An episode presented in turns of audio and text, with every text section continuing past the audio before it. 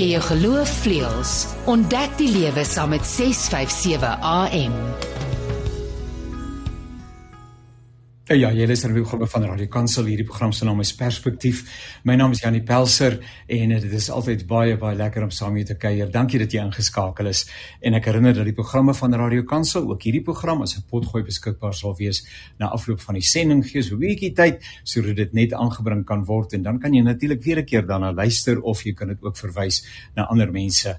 Uh ons is op 'n nuwe stelsel. Dis nou die tegnologie, nê? Altyd 'n tree vorentoe, maar as eers lyk vir my 'n tree terug uh, voordat jy weer by die tree vorentoe kom, dat ek net seker maak dat my gaste, ten minste twee van hulle vir week nou kan sien, vir my wel kan hoor. Professor Ander Dievenage, goeiemôre. U kan vir my hoor?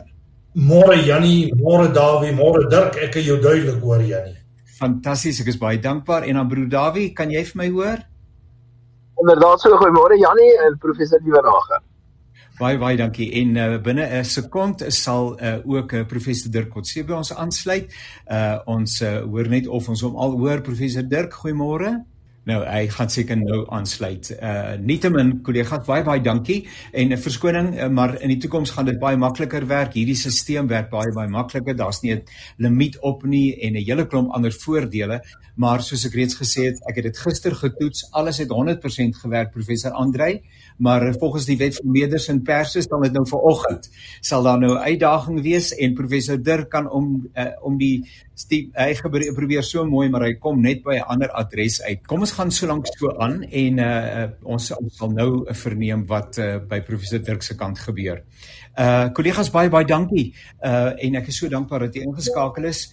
Um o uh, my leer sê hy sê vir my sê uh, wanneer professor Dirk aanlyn is. So ons ons hou daai nota net dop. Intussen uh, kollegas, kom ek hoor net eers net terwyl dit daarvan dat ons sene wees net tot bedaring kom professor Andre, dit gaan goed met u vanoggend? Ja, wat Jannie, dit gaan goed. Ek kom van 'n buffeljag af en dit was heel interessant, amper dinamies veranderend, maar uh, ek is terug hier, so ja, dit gaan goed dan. Is fenomenaal. Baie baie dankie. En Dawie, dit gaan altyd goed met jou. Altyd so 'n uh, aantreklike glimlag. Ja, wonderlik met my baie dankie. Baie dankie Janie, dit gaan met my baie baie beter as met die land. Ek moet net vir sê ek is baie jaloers op professor Andre. nou ja, ek sê altyd die Bybel sê jy mag nie jaloers wees nie, maar dit sê niks van heilig jaloers wees nie. Ek dink dis 'n ander dimensie, 'n ander kategorie van jaloers wees en in in daai kategorie vind ek myself baie tuis maar as die hele klomp mense op wie ek heilig jaloers is in die sweer. Nietemin kollegas, uh Netwerk 24 het oor die afgelope naweek 'n bydrae van Songiso Zipi, die leier van die groepering Rise Mzansi, Uh dis 'n nuwe politieke groepering in Suid-Afrika geplaas. Uh en die bedoeling van ons saamgesels vanoggend is nie om die meriete van Rais Mzansi te uh, te debatteer nie, maar dat tog in daai spesifieke skrywe het daar 'n klomp baie belangrike sake na vore gekom en ek dink dit is belangrik en dit sou goed wees as ons bietjie daaroor gesels uh, ons luisteraars kan uh, want ons sal genoegsaam aandag gee aan die inhoud maar u kan ook by netwerk 24 gaan kyk na die opskrifie te honger om jou aan Julius te steur en as jy by netwerk 24 dit intip of op jou rekenaar by die soek engine gaan dit jou onmiddellik na daai spesifieke artikel uh, neem Uh, en dit is waar ons vandag 'n bietjie met mekaar gaande saamgesels. Nou uh professor Andre Dievenage en uh, Dawie Rood, uh, professor Andre is by die Noordwes Universiteit. Dawie Rood is 'n gerekende ekonoom by die Efficient Group en uh, professor Dirk Kotse wanneer hy nou nou bykom, dan uh hy is hier so goeiemôre professor Dirk. Goeiemôre, baie dankie. Uh, groot verskoning vir die tegniese uh oponthoud, maar ons is baie baie dankbaar dat u ook ingeskakel is en eweneens is professor Dirk Kotse is by Unisa. Ehm um, kollegas, uh, ek verwys dan nou na die artikel op Netwerk 24 te honger om Johan Julius te stuur en ehm um, die uh, organiseerders om Gizo Zibi van die Rise Mzansi bevind homself ten tye van die feesvieringe uh, rondom die EFF so 2 weke gelede by die uh, FNB stadion bevind hy homself in Umtata en omliggende streke waar hy met 'n klomp mense vergader en hulle wis niks wat aan die gebeur is uh, daar op daai stadion nie. Hulle sê ons problematiek lê heeltemal op 'n ander terrein en ons het nie tyd om onsself daaraan te steur nie. Uh so ehm um, my my opsomming as ek na die artikel lees is dat die bestaansnood uh, van mede die meerderheid Suid-Afrikaners uh, en help my asseblief dis hoe ek dit lees is ver verwyderd van hierdie politieke spel wat deur uh, sommige politici uh, gespeel word en uh, uh, dat hierdie mense se se se uh, se poging is om doodgewoon net uh, wat wat Mongiso noem is Mongiso noem hulle menswaardigheid en en respek te herwin en van dag tot dag te oorleef. Uh, kan ons kan ons uh, openingsopmerkings maak in die verband na aanleiding van dit wat jy daar gelees het en die hele gedagte van hierdie se beduidende groep mense wat sê, "Wie jy laat julle maar aangaan. Hy is die man so hoog op in die lug as wat jy wil." Dis nou vir meneer Malema en dat die streamers maar van die dak af val maar uh, ons het min erg uh, om dit wat daar aan die gebeur is. Prof Andre, kom ek begin by u. Ja, uh Jannie, ek sal graag so reageer. Ek is nie 100% seker van die meriete van die stelling na alle kante toe nie. Heel dikwels kry jy in politieke omgewings waar daar groot ekonomiese en finansiële uitdagings is, 'n tipiese populistiese politiek wat na vore tree en dis heel dikwels tot daai omgewings waar meneer Julius Malema homself wend. Hy kry dit relatief suksesvol reg in bepaalde stedelike omgewings. Maar die groepering waarna jy verwys en die basis lê in 'n landelike omgewing.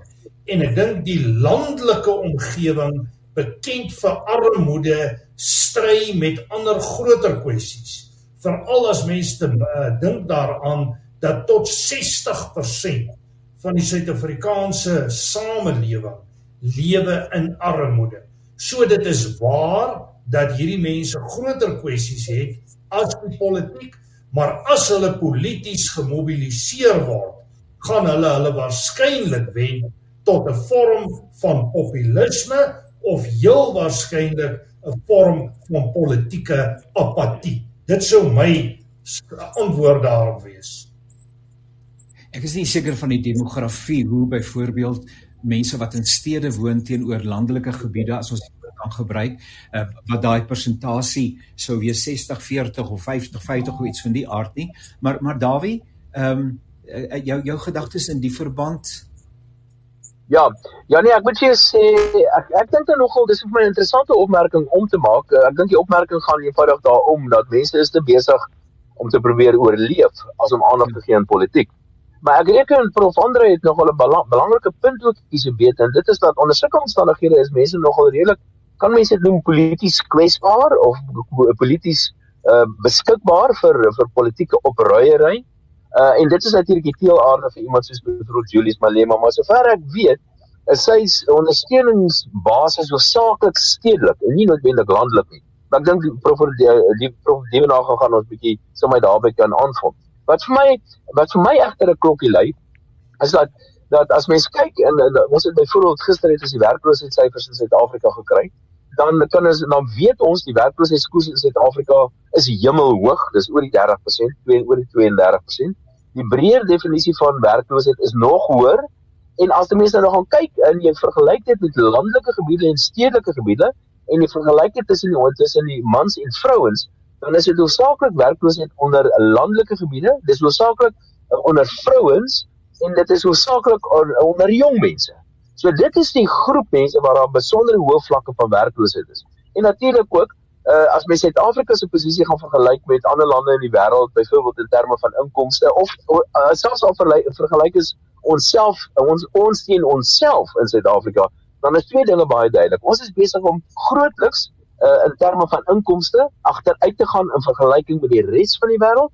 En veral die afgelope 10 jaar is ons grootliks besig om selfs teen onsself gemeet armer te word vir al die afgelope 10 jaar. So so die die belangrike punt wat die punt wat ek sekerlik kan bevestig so is is dat ons het stygende vlakke van kom ons noem dit uh, armoede is nie die is nie is nie voldoende van 'n woord nie. Want hierdie armoede gaan gepaard met ander goedes ook. Kom ons noem dit ons kan dit iets noem van van ekonomiese uh um, ontbering wat, wat mense ervaar en dit sluit goedes in soos armoede absolute armoede gebrek aan aan behoorlike kwalifikasies gebrek aan aan behoorlike werke en dis meer Professor, baie dankie uh, Dawie, professor Dirk. Ja, dankie vir klomp goed te sprake by hierdie uitspraak of hierdie spesifieke punt. Ehm um, die een die eerste dink ek is is dat uh, as jy mens kyk na die verskil tussen armoede en minder armoede, is dit definitief meer gekonsentreer in die platteland. Ehm um, maar armoede die en ja, wat ekonomies aktief kan wees, probeer eerder nader na die stedelike omgewings toe kom. So die platteland word eintlik 'n konsentrasiepunt van armoede op 'n groeiende skaal. Um, en ek dink dit is waar miskien die Grace Nzansi wat ook hoofsaaklik 'n stedelike uh, politieke party of beweging is, um, waar hulle te sprake kom. Um, ek dink wat wat mense ook moet in gedagte neem is, is dat mense die die oorgrootste meerderheid sou ek sê van mense wat van 'n lae inkomste groep of met omtrent geen inkomste nie neem ook nie aan die politiek deel nie. Ehm um, hulle gewoonlik stem nie. Ehm um, so dit dit wat ons gesien het met die EFF byvoorbeeld by die FNB stadion is baie duidelik is 'n Gautengse verskynsel. Ehm um, die een ding wat ons ook in gedagte moet hou is is dat die EFF kry sy meeste stemme omtrent 40% van sy totaal kom van Gauteng. So dit wat ons gesien het visueel uh die sogenaamde optics as jy dit wil sê van daardie geleentheid dan is dit uh iets wat ge, wat verwring is omdat dit ten gunste is van dit van die situasie in Gauteng. Ek wil nie daardie sê dat die EFF nie noodwendig steun kan wen nie, maar as ons kyk na die afgelope 3 verkiesings, meer die die laaste 2 plus die vorige voor dit ook, dan is die groei tendens van die van die EFF baie laag rondom 2% en nou die laaste twee verkiesings eintlik geen groei nie. Ehm um, so hierdie verkiesing gaan 'n uitermate belangrike verkiesing vir die EFF se uh, se toekoms wees. Ehm um, en dit wat as dit reg is wat Helen Zille voorstel dat dit rooi versus blou in die toekoms gaan wees, dan gaan dit beteken dat die EFF in hierdie verkiesing 'n absolute eksponensiële groei moet beleef um, soortgelyk as wat die DP, die Demokratiese Party in 1999 beleef het toe hulle vanaf net oor die 1% na 9% gegroei het. En dis onwaarskynlik dat die EFF aan daardie posisie gaan wees met hierdie verkiesing.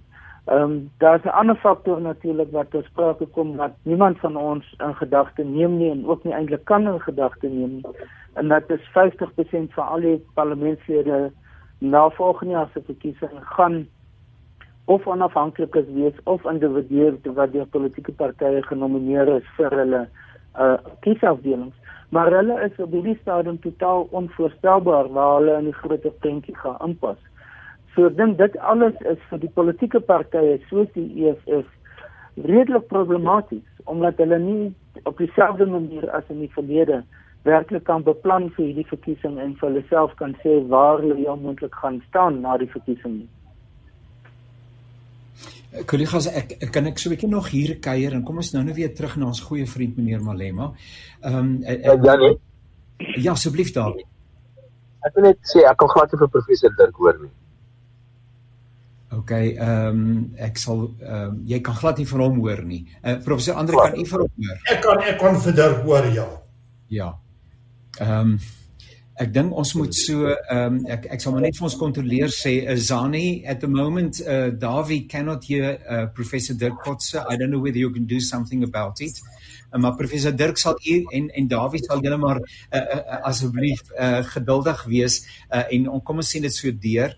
Um, ek wil vir 'n oombliekie terugkom en vra uh, kollegas, ek ek ek het nou die opmerking gemaak oor die demografie. Miskien sou u 'n uh, beter aanduiding kan gee. Sekerlik sou u in terme van ehm um, die die die die persentasie inwoners in Suid-Afrika dalk stemgeregtigdes wat in landelike gebiede woon, kom ons maar dan net aan inwoners, uh en die wat nader aan die stede woon wat ons sou as uh, verstedelik beskryf teenoor dit wat in die landelike gebiede is. Nommer 1, daarmee saam dat sommige politieke groeperinge se steun waarskynlik vir sommige sterker is in, op 'n plattelandse konteks uh, as ander wat nou weer in stede groter steun sou geniet.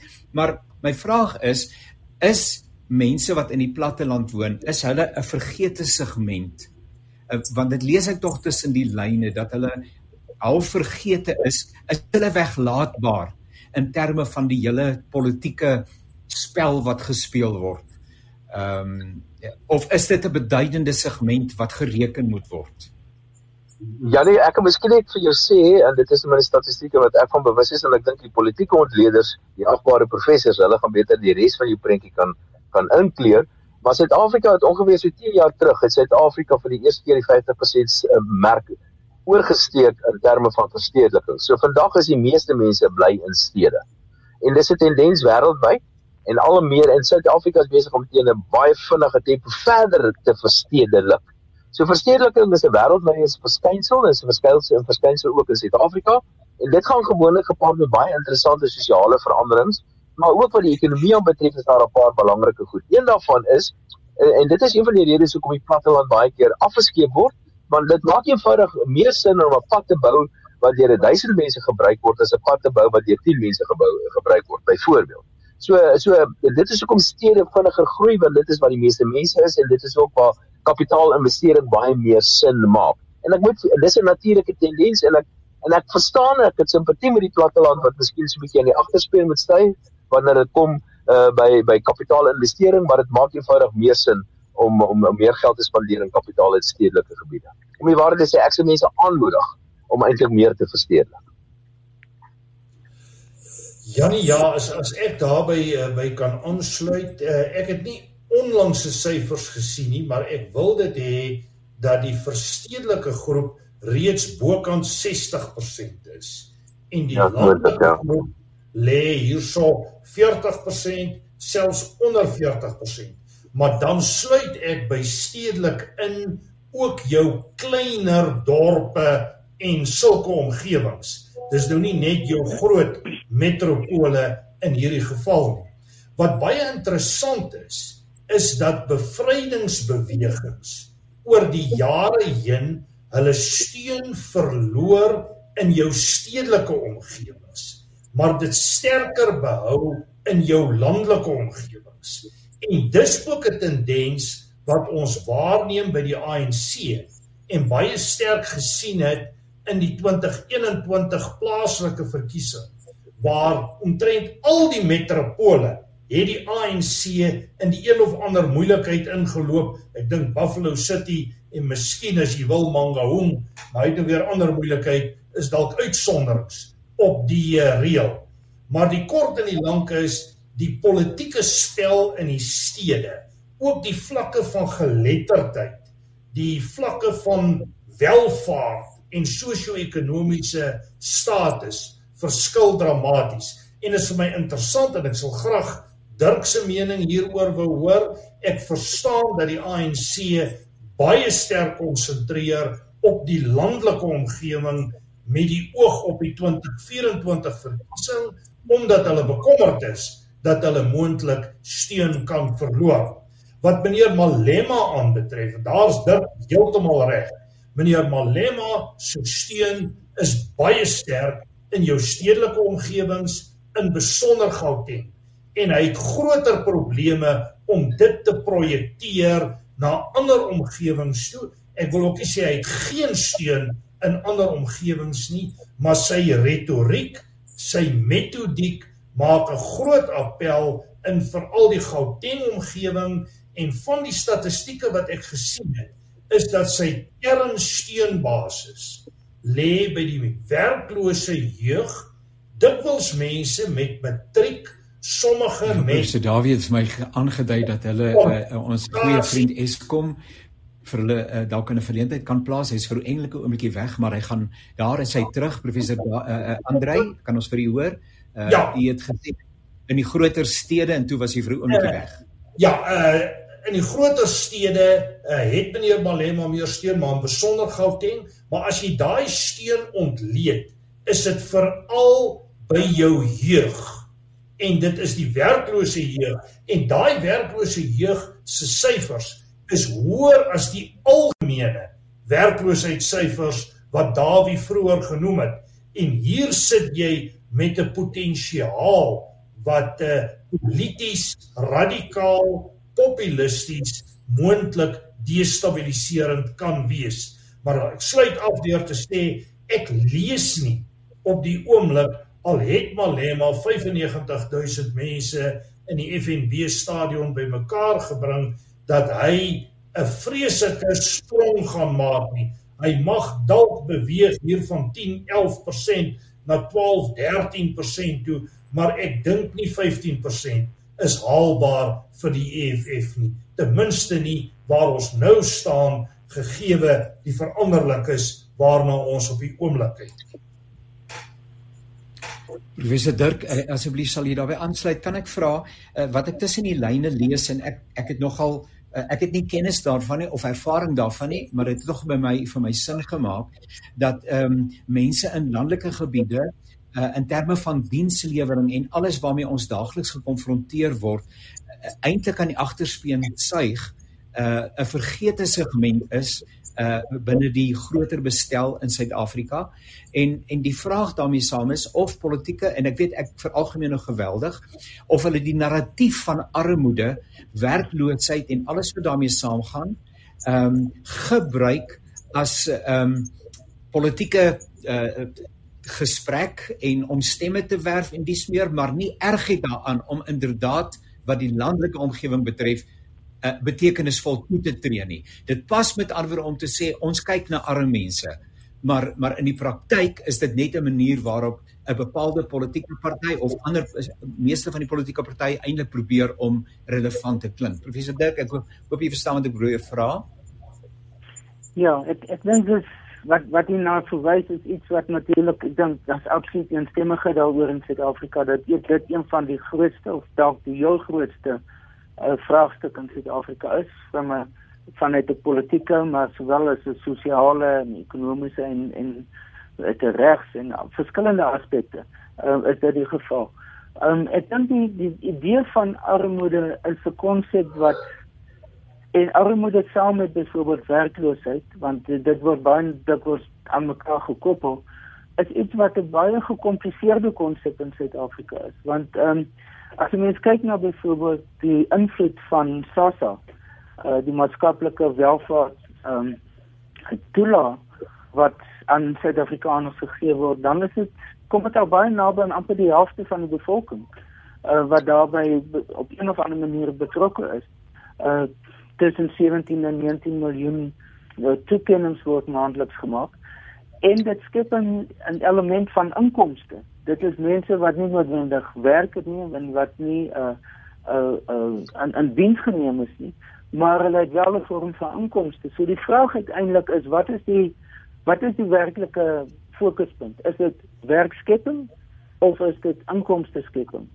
En ek dink op die oomblik is die twee van mekaar geskei. Hulle sou is veronderstel natuurlik een en dieselfde te wees. Maar as gevolg van hierdie kunsmatige situasie wat oor tyd ontwikkel het, um, het, het ons hierdie punt bereik. En die ANC as regering is relatief gemaklik met dit. Um, want dit gee vir hulle 'n klomp stemme. Uh daar's baie mense wat glo dat hierdie die geld van SASSA is sogenaamde Mandela geld. Dit is geld wat van die ANC afkom. Ehm um, en daarom is daar minder motivering vir die ANC om uiteindelik dit te verander want dit is 'n 'n pool van ondersteuning wat omtrent gewaarborg is vir hulle. Nou ek dink wat wat uh, wat meer problematies is, is is dat die jong mense, veral die stedelike jong mense, koop nie meer hierdie narratief nie. Hulle word nie meer daardeur soort van stil gehou nie. En ek dink dis wat ons nou besig is om te sien is die is die opkoms van jong mense in 'n politieke sin, nie, maar nie in 'n partytetiese sin. Baie min van hulle gaan waarskynlik aan die verkiesing deelneem en dis die een groot negatief vir die EFF. Dit is baie van die mense wat by die FNB stadion was, was daar as ondersteuners maar gaan waarskynlik nie stem nie. So ons het eintlik twee EFFs, die een wat in die parlement is en die een buite die parlement.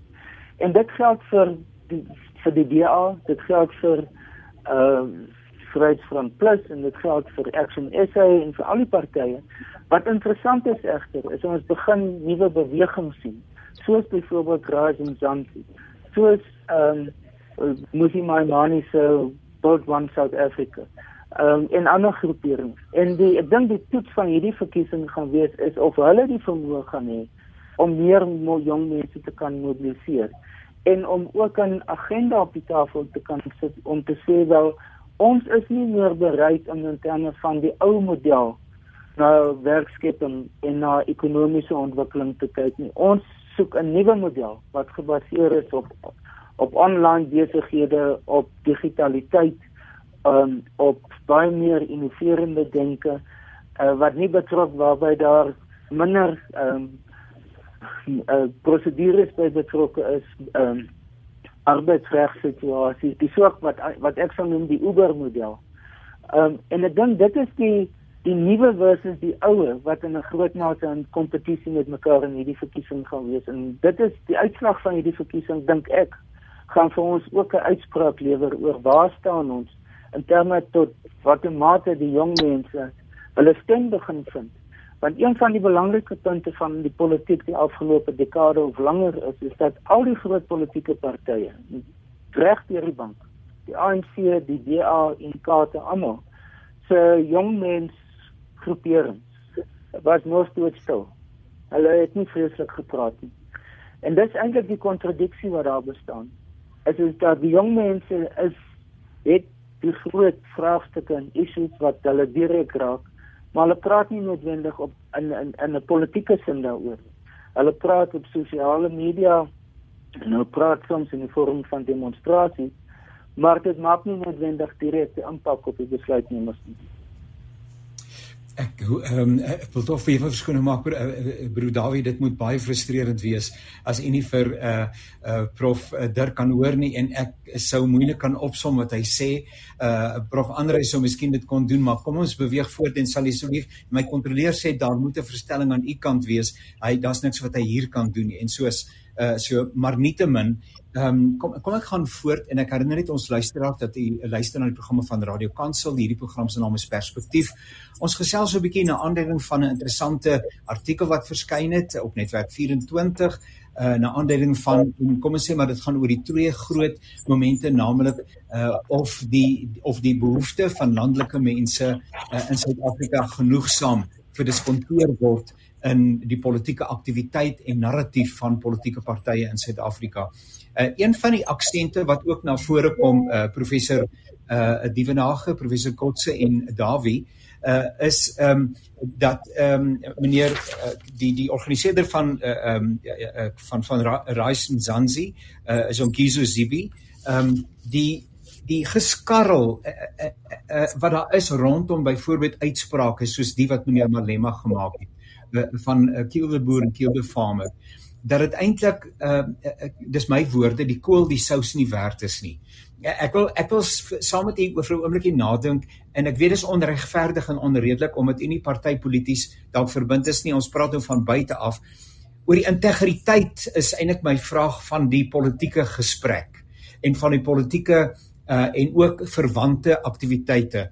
Um is die kool die sous werd wanneer bepaalde um organisasies uh, nou byvoorbeeld uh, hulle self na howe wend uh, plaaslik en internasionaal om die narratief van Kiel de Boer, Kiel de Farmer weer 'n keer te debatteer en te probeer verkeerd bewys. En dis hofsaake en dis nie net uh, enkele groeperinge dit is verskeie groeperinge as iemand iets sê dan is dit 'n volgende hofsaak en dis meer en dis meer. Uh is dit geld en energie wat goed spandeer word. Ek hoop u hoor wat ek sê en wat ek vra. Kan die geld, die moeite, die die die die die energie nie op ander proaktiewe maniere uh geïnvesteer word nie? En ons is maar net mense. Uh, sonder fondse kan ons nie funksioneer nie. Is dit omdat dit vir sommige mense belangrik is dat ons daai bepaalde ehm um, narratief verder volg sodat ons inkomste daaruit kan verdien om ander dinge aan die gang te hou. Eh, ek ek praat nou so tussen die lyne. Ek wonder Dawie of jy my hoor. Eh, is mense altyd eerlik? Is mense altyd eerlik of kyk mense op maar aan die einde van die dag wat bring die grootste inkomste uh, wat uiteindelik vir ons aan die gang kan hou? Dawie, kan ek met jou Jan Ja, Janie, kan ek miskien net 'n opmerking hoor maak? Ek moet jou sê ek is 'n bietjie tegniese goeie want ek het probeer om my stellings verander en toe gooi ek myself af en moes ek weer 'n keer terugkom. So ek hoop my goed werk nou behoorlik. Maar ek het Ja, ja, ek wil graag miskien 'n hoek wat ek graag iets sal so 'n bietjie meer wil belig. En dit is dat ek het die gesprek begin om te verwys na ons werkloosheidsyfers en waar ons werkloosheidsyfers in Suid-Afrika is. dan is daar nou 'n verdere dan is daar nou as jy vir die politici vra en baie ekonome vra dan vertel hulle vir jou dat die werklike oplossing vir Suid-Afrika se ekonomie is die ontwikkeling van van kleiner besighede. En ek dink ons maak 'n baie groot fout hierso.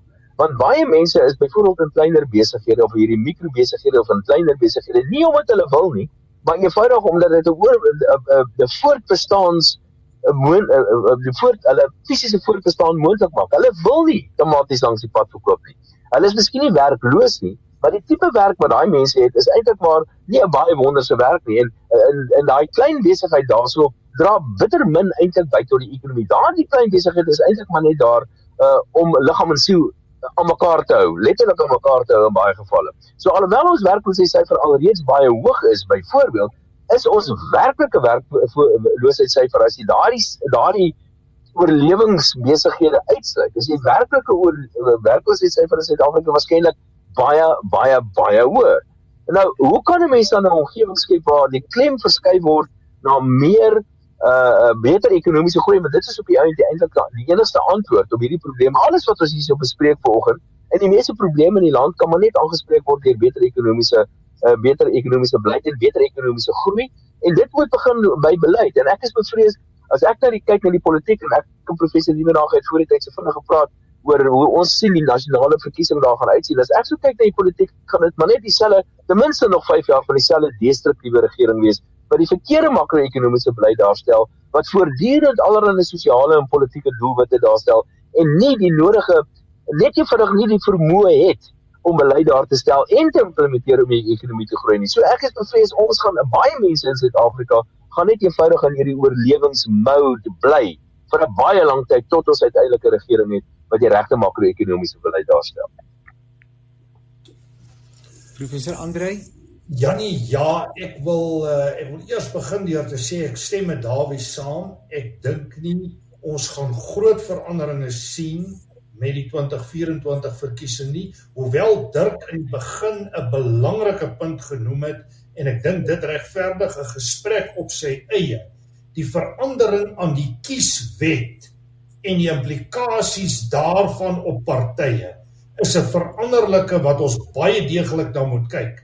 En dit is ook nie uitgesluit dat daar hofsaake kan kom oor daai wysigingswet van die kieswet en dat hy ongeldig verklaar gaan word nie. So ons het op die oomblik onsekerheid binne watter spesifikasies en reëls ons die 2024 verkiesing gaan hou.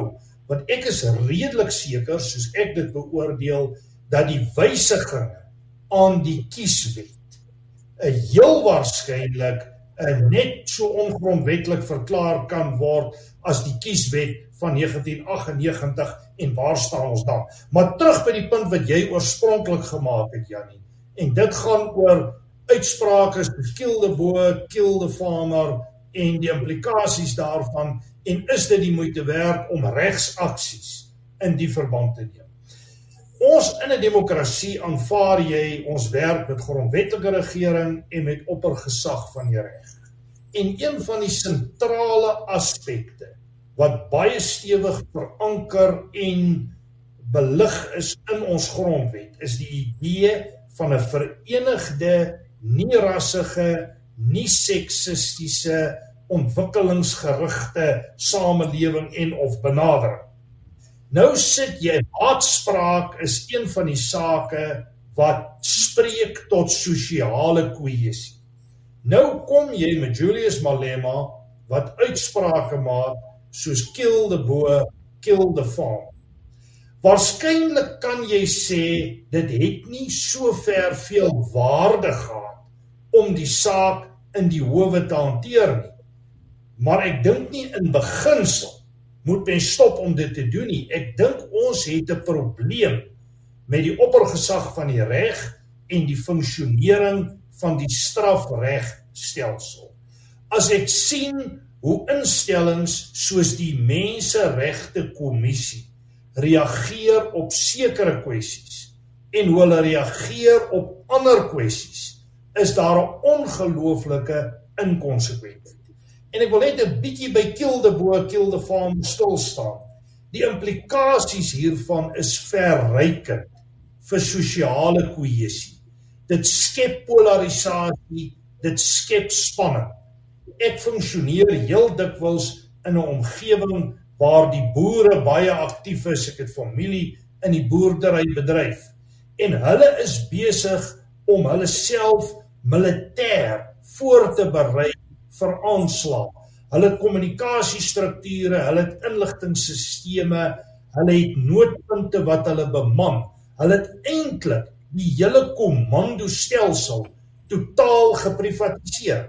En wat het gebeur sedert Malema se uitsprake by die FNB stadion? Daar is bo gemiddelde getal aanvalle gewees, moorde gewees op 'n geweldige brutale wyse. En hierdie goed word in sekere sosiale media's gedra. Dit skep polarisasie. Ek praat daagliks met India-stasies en daar is in daai omgewings ook geweldig paniek en daar's by hulle kommer. So dis nie net wit swart nie, dis ook uit ander oorde.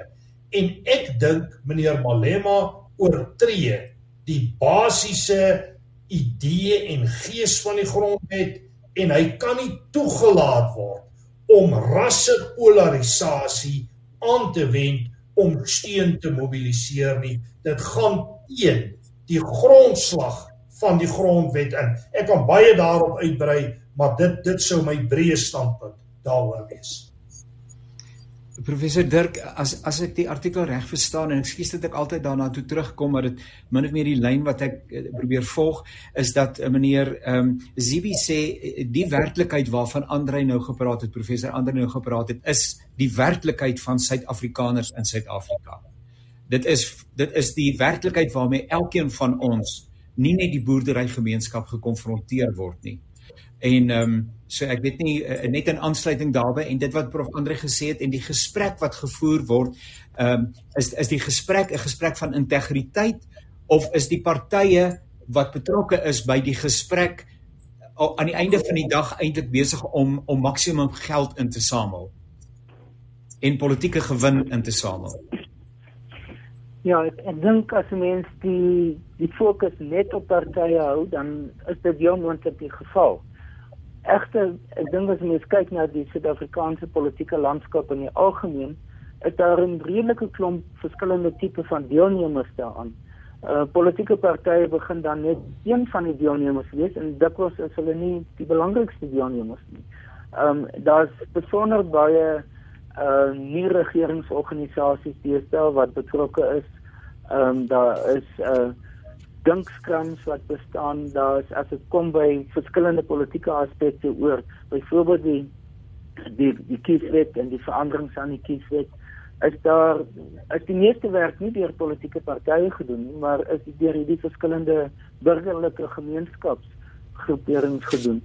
Um ek dink wat mense ook sien is is dat as veral as ons teruggaan na die platteland toe is dat die plaaslike bevolkings in die verskillende kleiner dorpe so is besig om baie meer inisiatief te neem.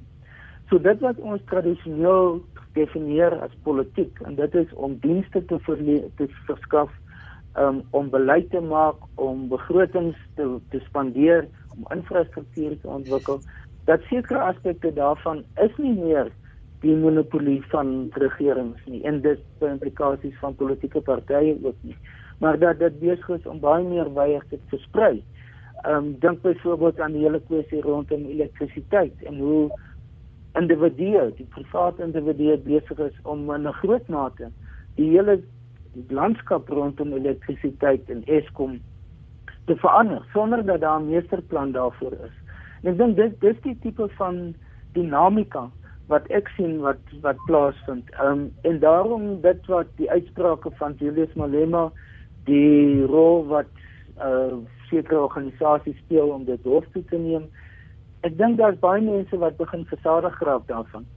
Ehm um, en die impak wat dit in die verlede gehad het is is as besig om daardie impak te verloor omdat dit so gedurig plaasvind en dat dit nie meer iets is wat by geleentheid gedoen word um, en wat waarvan die uitkomste 'n belangrike uh, uh, boodskap lewer. Ehm um, ek dink baie mense begin hoewe sien as 'n alternatief vir politieke partye, want die politieke partye of politieke groeperings nie meer hulle sin kan kry nie asof te klein of dit gaan teen hulle grein dan gaan hulle howe toe. Ehm um, en ek dink dit is dit ondermyn die idee van die politieke gesprek, die politieke dialoog, die dinamika van van politieke van wat politiek is. Ehm um, as dit te veel oorjaal na die idee van litigasie toe. Wat byvoorbeeld in Amerika vir baie jare reeds die geval is. En ons sien waar hulle geëindig het nou met hulle hoogste hof die um, Federal Supreme Court wat hoogs gepolitiseer geword het. En ek dink dit aspekte wat ons moet probeer vermy dat die regspraak by implikasie geforseer word in om politieke uitsprake te lewer. So ek dink as mense nou alles dit alles bymekaar sit is is die politiek in Suid-Afrika besig om baie dramaties te verander. Ehm um, en wat ons ook sien is is dat daar ehm um, nuwe groeperings na vore skree wat nie meer die tradisionele partytetiese rol speel nie. Ehm um, en ek dink dit is wat ek nou uitsien om te sien hoe dit in die nabye toekoms met volgende jaar se verkiesings in kort daarna hoe die Suid-Afrikaanse politieke landskap dan gaan lyk. Nou ja, ons uh, beweeg vinnig na die einde van ons program toe en uh, ons kollega broer Dawie Dawie Rood, uh, ekskuus, ek is so gewoond aan 'n broer omgewing. Dawie, vergewe asseblief, maar dis nou maar my konteks vir die grootste deel van my lewe is broer en suster en uh, so vergewe my dat ek dan nou dat ek broer en suster, maar ehm um, uh, ek sien ek hy maak almekaar verstellings moet kyk of hy nie vir prof Kotse kon hoor nie. Hier kon hy hom nou hoor. Nee, ek is jammer broer Janie, ek kon nog steeds nie prof koste kon so. net my kollegas hier na die einde van ons program en ons het sy delings daarna verwys. Miskien kan ons net uh, dalk weer daaroor kuier. Vandag en môre vind daar 'n baie belangrike byeenkoms van politieke partye uh, kom bymekaar. Ehm um, verbeel ek my uh professor Andre en uh, Dawie en professor uh, Kotse dat die narratief effens geskuif het van om ontslae te raak van die heersende politieke party en ook die ander dreigement uh, meneer Malema na uh, hoe kan ons Suid-Afrika se narratief verander en op 'n groeipad plaas. Dis 'n bietjie weg van uh, hoe kan ons ontslae raak van die ANC meer na wat kan ons doen om Suid-Afrika uh, op 'n beter pad te plaas. Dit klink vir my asof daar effens van 'n beklemtoning uh, uh, uh, uh, geskuif het. En dan daarmee wil ek vra of dit wat vandag in môre plaasvind uh of u dink dit is 'n waterskeidingsmoment uh in die geskiedenispolitiese uh, uh sfeer uh, hier in Suid-Afrika. Dawie uh Ja nee. Ja. Ja. Ja, ek miskien eh, ek dink eh, ek moet die politieke uh, ontleeders los om die, om om om te sê wat hulle dink gaan gebeur en oor die politieke vrae vra miskien 'n bietjie te spekuleer maar uh, miskien 'n belangrike punt kan mens net wat ek dink wat belangrik is om te maak is wie ook al die volgende regering in Suid-Afrika gaan wees het drie groot uitdagings.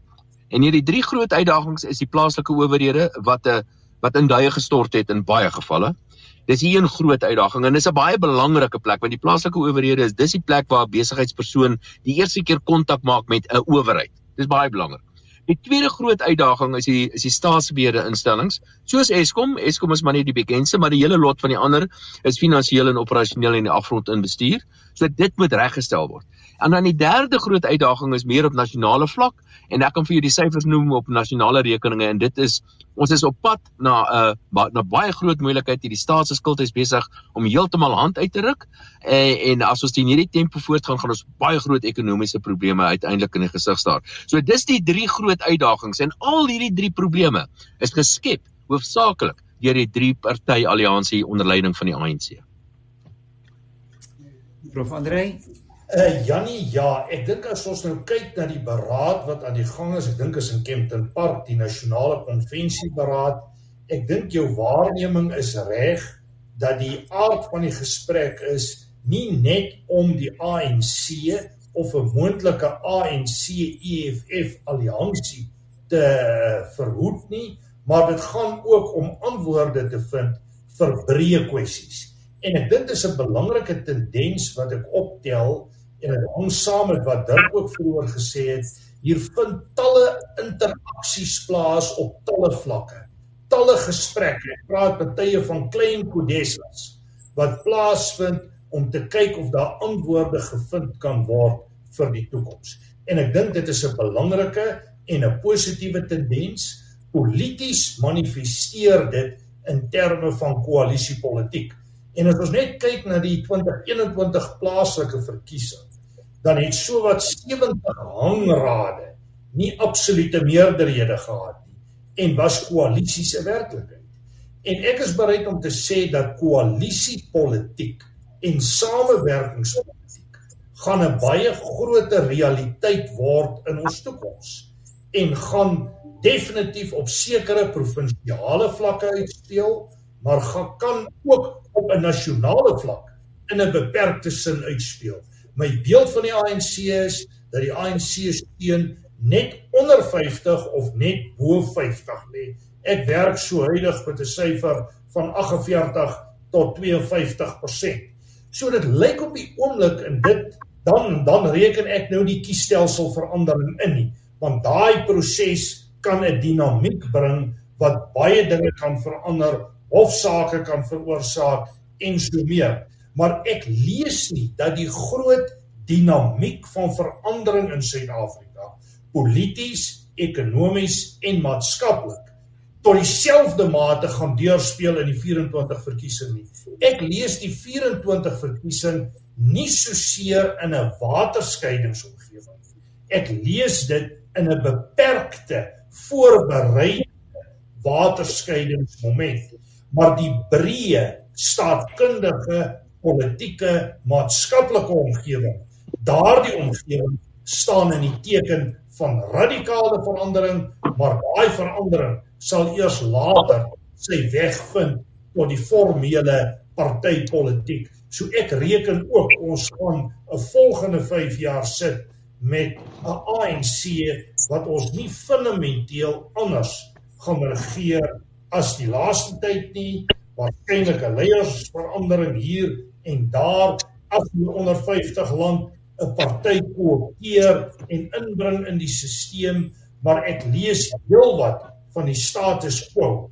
Moontlik is Dirk reg met die idee dat nuwe groepe 'n groter impak kan maak. Ek hoop trouens dat dit die geval is maar ek lees ons kieserskorps as redelik konservatief en hierdie hele kwessie van patronaatskappe, die toelaa benadering wat gekoppel word aan die ANC, is een van daardie faktore wat vir hulle steun verseker en waarborg.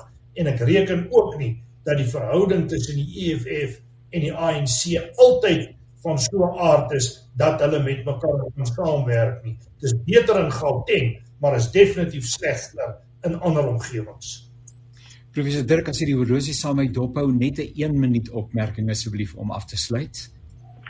Ja, dink volgende as 'n verkiesing is in die eerste instansie gaan die toets wees van waar staan die ANC.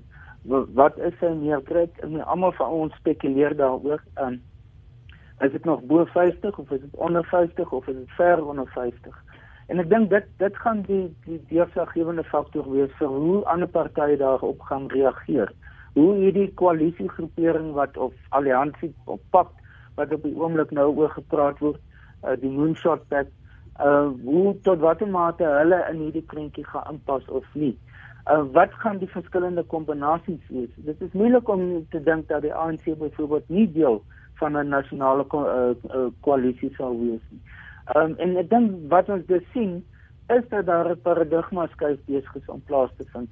Almal, al die groot partye ehm um, aanvaar in beginsel dat koalisies die toekoms is. Ehm um, ons sien nou hierdie byeenkoms, maar verlede week of was daar die die multipartytjie byeenkoms onder leiding van die die adjunkt president Mashatile waarby al die partye behalwe die EFF ook betrokke was en dit sluit die ANC in. So dink die 'n nasionale dialoog is besig om te ontwikkel oor dit uh, wat hoogs belangrik is. As gegee die feit dat baie mense voel koalisies op plaaslike vlak het in sommige gevalle misluk en ons kan nie bekostig dat op nasionale of provinsiale vlak dit ook gaan gebeur nie.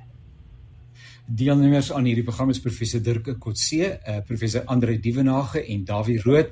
Weer 'n keer verskoning vir die tegniese uitdagings. Ons sal dit beter probeer hanteer in die toekoms. Baie baie dankie vir die insette. Baie dankie luisteraars vir u deelname en vir die inluister. Baie dankie aan Woesie vir die tegniese versorging van hierdie program. Uh tot 'n volgende keer alles wat mooi is vir u en uh, koershou te midde van soveel interessante dinge wat rondom ons ontwikkel. Totsiens. Tune in to Radio Pulpit on 657 AM for reliable Christian talk radio at its best. Find your daily dose of Christ centered motivation and encouragement on Radio Pulpit 657. Download our app now. Tune in to radiopulpit.co.za or find us on DSTV Audio 882 and OpenView 607. Radio Pulpit, your daily companion for more than 40 years, brings a relevant moral alternative to 400,000 listeners in a variety of South African languages. Follow us on Facebook, Instagram, and Twitter and download our podcasts today.